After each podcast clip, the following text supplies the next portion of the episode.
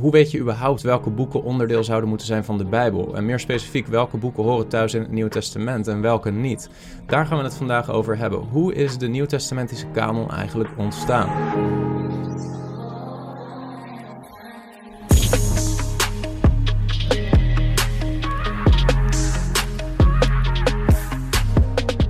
Dit is een onderwerp waar veel christenen niet zoveel van afweten en het is des te belangrijker dat we er eens goed over nadenken samen. Uh, er bestaan allerlei misvattingen over de Nieuwtestamentische kanon en over de kanon in algemeenheid. Uh, misvattingen zoals dat de kanon pas in het jaar 325 na Christus bepaald zou zijn tijdens de kerkraad van Nicea, uh, onder leiding van keizer Constantijn. Dat soort mythes, dat soort historisch niet kloppende fabeltjes gaan vaak de ronde over internet en zijn ook versterkt door bijvoorbeeld de Da Vinci Code, een boek van Dan Brown. Maar ook misverstanden zoals dat de kerk pas in de vierde eeuw zou hebben bepaald welke boeken door God zouden zijn geïnspireerd tijdens bijvoorbeeld de synode van Rome in het jaar 382 na Christus. Uh, dat is iets wat je onze Rooms-Katholieke vrienden wel eens hoort roepen. Uh, misvattingen als dat de kanon een soort extra openbaring zou zijn. Een soort 28ste boek van het Nieuwe Testament zou dan de legende zijn of het, de inhoudsopgave van het Nieuwe Testament. Uh, misvattingen als dat er heel veel andere betrouwbare evangeliën door de kerk zouden zijn onderdrukt, zoals het evangelie van Thomas of het evangelie van Petrus. dit zijn bezwaren die je vaak wel hoort tegen de Bijbel. En het is voor jou als christen belangrijk dat je weet hoe je daarop zou moeten reageren. Maar om dat te kunnen doen is het ook belangrijk dat je zelf wat afweet van hoe de kanon tot stand is gekomen en hoe die niet tot stand is gekomen. Uh, veel christenen hebben onvoldoende kennis om die misverstanden uit te dagen of er goed antwoord op te geven. Wat belangrijk is om vanaf het begin te weten is dat het ontstaan van de kanon niet primair een historische, maar primair een theologische zaak is. Uh, wat ik daarmee wil zeggen is dat, dat mensen al snel beginnen te praten over kerkraden en historische ontwikkelingen, die op zich wel belangrijk zijn, maar daar begint het concept van de kanon niet. Het begint bij een God die door middel van taal communiceert en zichzelf openbaart tot mensen. Om je dat te laten zien is het belangrijk dat we beginnen met een Bijbeltekst. En dat is uh, in dit geval Jezaja 55, vers 9 tot 11. Daar staat geschreven, uh, en daar zegt de Heer... Want zoals de hemel hoger is dan de aarde... zo zijn mijn wegen hoger dan uw wegen... en mijn gedachten dan uw gedachten. Want zoals regen of sneeuw neerdaalt van de hemel... en daarheen niet terugkeert... maar de aarde doorvochtigt... en maakt dat zij voortbrengt... en doet opkomen... en zaad geeft aan de zaaier... en brood aan de eter... zo zal mijn woord zijn dat uit mijn mond uitgaat. Het zal niet vruchteloos tot mij terugkeren, maar het zal doen wat mij behaagt en het zal voorspoedig zijn in hetgeen waartoe ik het zend. In de laatste twee video's over Sola Scriptura heb ik met jullie gekeken naar die tekst uit 2 Timotheus hoofdstuk 3. En we hebben gezien dat uh, God schrift heeft uitgeademd. De schrift wordt door Paulus beschreven als theopneustos, door God uitgeademd. De stem van God klinkt door de geïnspireerde schrift. Dus de schrift is het spreken van God. En wat deze tekst uit Jezaja laat zien is dat als God spreekt, als God communiceert, als God de intentie heeft om een boodschap over te brengen, dan zorgt hij er niet alleen voor dat de schrift geïnspireerd wordt, maar dan vloeit daar ook uit voort dat hij ervoor zorgt dat de boodschap zijn doel bereikt. Dat de regen niet alleen maar op de aarde valt en vervolgens weer terugkeert, maar dat het ook zorgt dat het vrucht draagt. Dus uh, God is niet alleen maar soeverein over het proces van inspiratie, maar ook over uh, de vervolgstappen, verspreiding, oftewel disseminatie van de schrift, erkenning, oftewel kanonisatie van de schrift, uh, bewaring, preservatie, transmissie van de schrift en vervolgens ook de verlichting, dus ervoor zorgen dat er mensen verlicht worden door de boodschap van de schrift. Dat hele proces is nodig om ervoor te zorgen dat het woord van God ook daadwerkelijk bereikt datgene waartoe God het heeft uitgezonden. En wat Jezaja zegt is, en wat de Heer zegt door deze woorden in Jezaja, is dat hij over dat hele proces soeverein is. Wanneer God spreekt, zorgt hij ervoor dat zijn boodschap ook doel treft.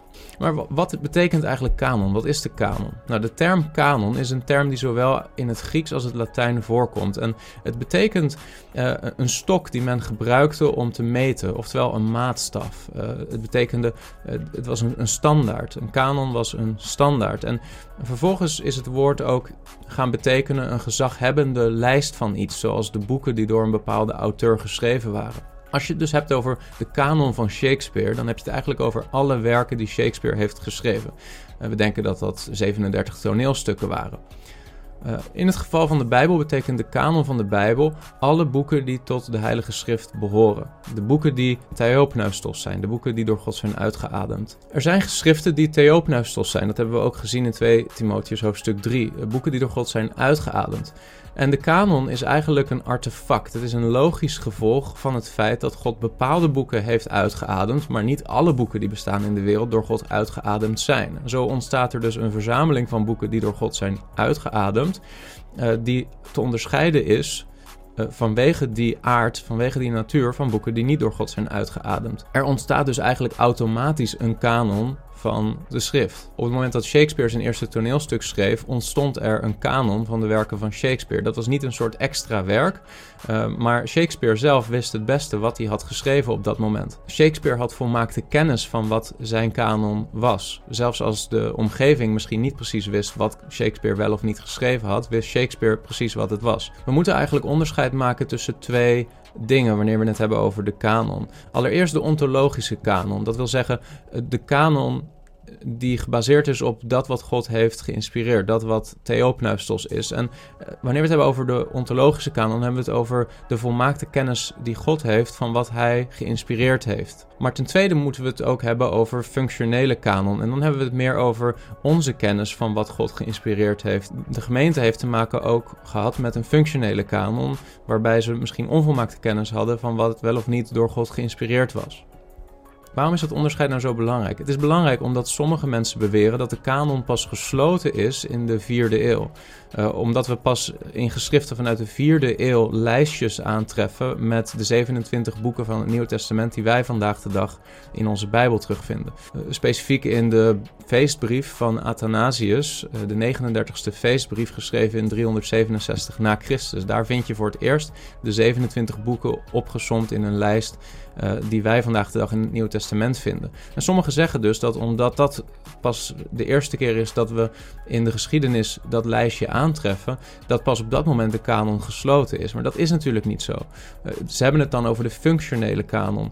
Maar de ontologische kanon, de, de kanon van wat daadwerkelijk door God geïnspireerd is, uh, is gesloten op het moment dat het laatste boek van het Nieuw Testament geschreven was. En dat was het boek Openbaring, wat uiterlijk in het jaar 96 na Christus geschreven is. Op het moment dat de apostel Johannes het laatste woord van, die, van dat boek schreef, sloot de ontologische kanon. En wat belangrijk is om te zien is dat Jezus in zijn dagen op aarde uh, vooronderstelde dat de kanon van het Oude Testament bekend was. En hij stelde mensen ook verantwoordelijk uh, met betrekking tot het woord van God, van de Oud-testamentische geschriften. Hoewel er eigenlijk nooit een Oud-testamentische kerkraad was geweest waar de boeken die daadwerkelijk van God geïnspireerd waren van het Oude Testament besproken of vastgesteld waren. Um, de boeken van het Oude Testament waren in de tijd van Jezus gewoon bekend. En dat is dezelfde kanon die wij in de protestantse Bijbel, het Oude Testament, terugvinden. Die lijst met boeken was gebaseerd niet op een soort kerkraadbeslissing, maar op aloude, wijdverbreide erkenning door Israël van welke boeken afkomstig waren van profeten die God had gezonden. Er zijn weliswaar zogenaamde deuterocanonieke boeken die nog steeds in Rooms-Katholieke Bijbels terug te vinden zijn, maar die werden in de tijd van de Heer Jezus door de Joden al niet als schrift gezien of op het gelijke niveau als schrift gesteld. Boeken zoals Tobit, de wijsheid van Jezus Sirach, toevoegingen op het boek Daniel of Esther, 1 en 2 Maccabeeën, Judith, de wijsheid van Salomo, Baruch, de brief van Jeremia, het gebed van Manasse, zijn allemaal uh, boeken die historisch wel interessant waren en uh, van de laatste paar eeuwen voor de komst van Christus afkomstig, um, maar die door de Joden in Jezus tijd niet als schrift werden gezien. De oud-testamentische kanon werd door Jezus gewoon voor bekend verondersteld bij zijn toehoorders. En daar vond ook nooit discussie plaats tussen Jezus en de schriftgeleerden over welke boeken wel of niet hoorden bij de kanon. Dus we richten ons nu vooral op de nieuwtestamentische kanon en de ontwikkeling daarvan. Wat belangrijk is om te weten vanaf het begin is dat alle nieuwtestamentische bijbelboeken zijn geschreven in de eerste eeuw. De vier evangeliën die wij vandaag de dag terugvinden in ons Nieuw Testament zijn de enige evangeliën die terug te voeren zijn naar de eerste eeuw na Christus. Dus dit zijn de meest oude evangeliën die we hebben en daarmee ook de meest betrouwbare evangeliën. Uh, dit in tegenstelling tot de zogenaamde apocryfe evangeliën, zoals bijvoorbeeld het apocryfe evangelie van Thomas, een tweede eeuws gnostisch evangelie, wat uh, door de gemeente eigenlijk nooit uh, geaccepteerd is geweest als authentiek. Nou, wat belangrijk is om te beseffen is dat de Nieuwtestamentische Bijbelboeken vanaf het begin werden erkend als gezaghebbend vanwege het apostolisch gezag wat eraan verbonden was. Uh, de apostelen hadden gedelegeerd gezag van Christus ontvangen om het fundament van de gemeente te leggen. Dat hebben we ook gezien eerder in Efeze 2 vers 20. Daar staat dat de gemeente gebouwd is op het fundament van de apostelen en de profeten waarvan Jezus Christus zelf de hoeksteen is. Uh, dit gezag is de reden dat veel latere apocryfe geschriften ook bijvoorbeeld de naam van een apostel kregen, ook al waren ze niet geschreven door een apostel. Bijvoorbeeld het evangelie van Thomas of het evangelie van Petrus. Documenten uit de tweede eeuw die dus niet door Thomas of Petrus geschreven waren, maar vanwege het gezag wat geassocieerd werd met de apostelen, uh, kregen ze toch die naam om een soort extra gezag te geven aan dit soort documenten. Maar de boeken die wij vandaag de dag in ons Nieuw Testament aantreffen, zijn allemaal geassocieerd met de apostelen. Uh, Matthäus is geschreven door een apostel. Marcus is geschreven door uh, de assistent van Petrus, een apostel. Uh, Lucas is geschreven door een nauwe collega en samenwerker van Paulus, een apostel. Johannes is geschreven door een apostel. Alle brieven zijn geschreven door apostelen. Hebreeën, daar is wat twijfel over. Dat is traditioneel, wordt dat wel toegeschreven aan Paulus. Maar mogelijk is het vanwege wat verschil in schrijfstijl met andere brieven van Paulus, is het door iemand anders op schrift gesteld. Uh, en ze denken dat het gebaseerd is op een preek van Paulus, die vervolgens is opgeschreven door Lucas, Barnabas of Apollos. Maar ook Hebreeën wordt geassocieerd met een apostel en met apostolisch gezag. In mijn laatste video over Sola Scriptura hebben we al gezien dat de nieuwtestamentische geschriften van elkaar getuigen als gezaghebbend. Eh, de schrift heeft dus niet pas later een bepaald gezag gekregen door een of andere kerkraad, maar had vanaf het begin gezag vanwege de associatie van deze geschriften met het apostolisch gezag. En dit is belangrijk wat je moet weten over de historische ontwikkeling van de functionele kanon in de kerken.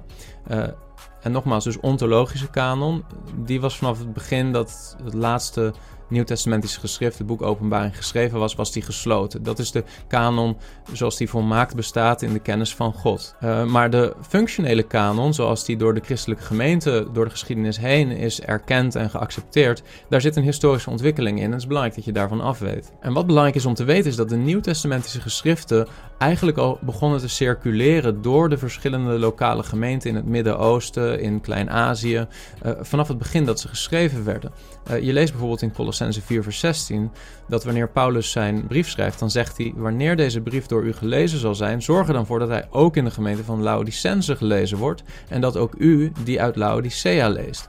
Dus met andere woorden, Paulus schreef een brief aan de gemeente in Colosse. Die brief werd daar gelezen, maar vervolgens begonnen mensen ook die brieven over te schrijven met de hand, te kopiëren en verspreidden die brieven zich door de verschillende lokale gemeentes. Dit gebeurde met alle Nieuwtestamentische geschriften. En als je kijkt naar de dateringen van de boeken van het Nieuw Testament, dan zie je dat waarschijnlijk Jacobus het eerste boek is wat geschreven werd, ongeveer in het jaar 50 na Christus. En het laatste boek wat is geschreven is het boek Openbaring en dat wordt op zijn vroegst in 68 na Christus gedateerd.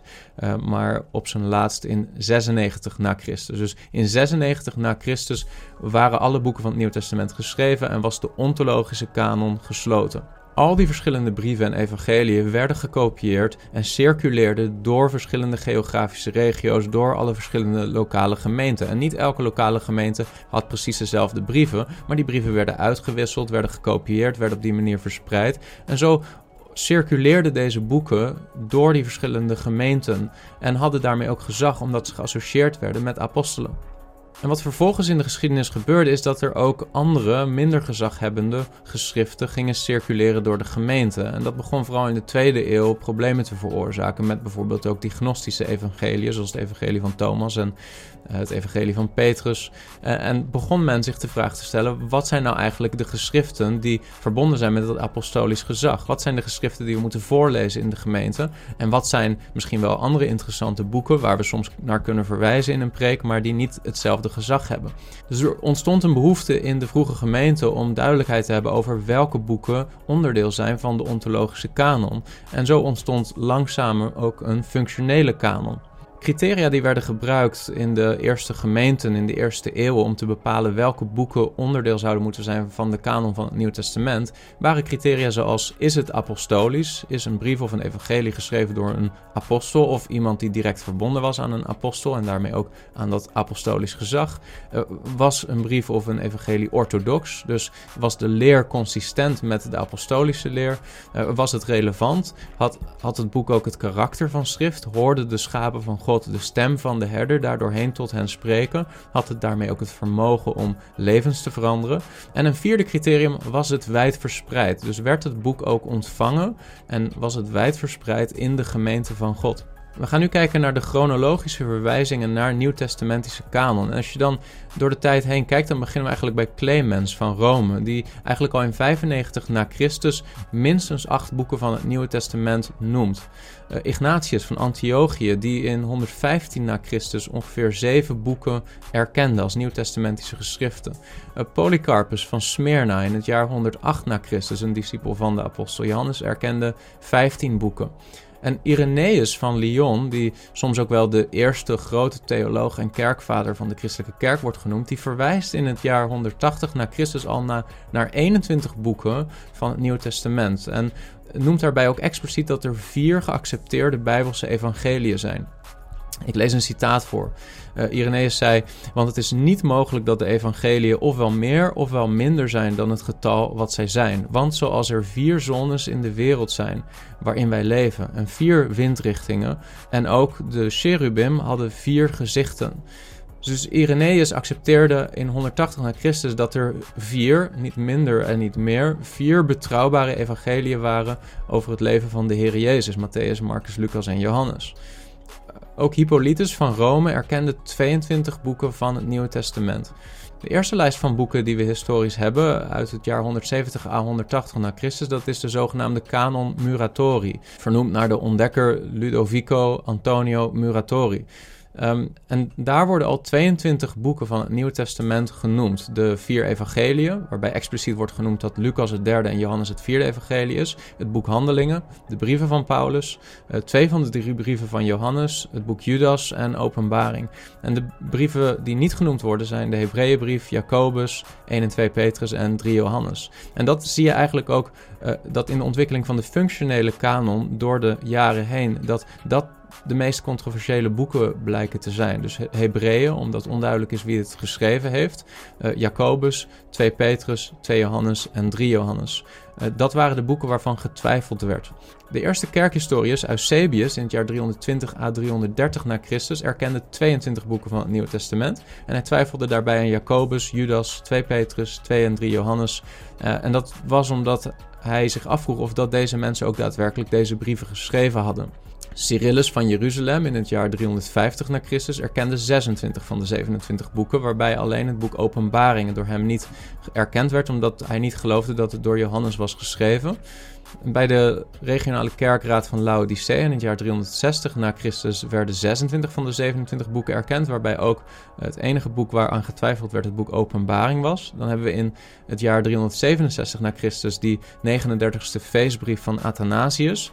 En dat wordt beschouwd als een mijlpaal in de evolutie van de functionele kanon van de Nieuwtestamentische boeken, omdat daarin voor het eerst alle 27 boeken van het Nieuw Testament uh, benoemd worden die wij vandaag de dag terugvinden in het Nieuw Testament.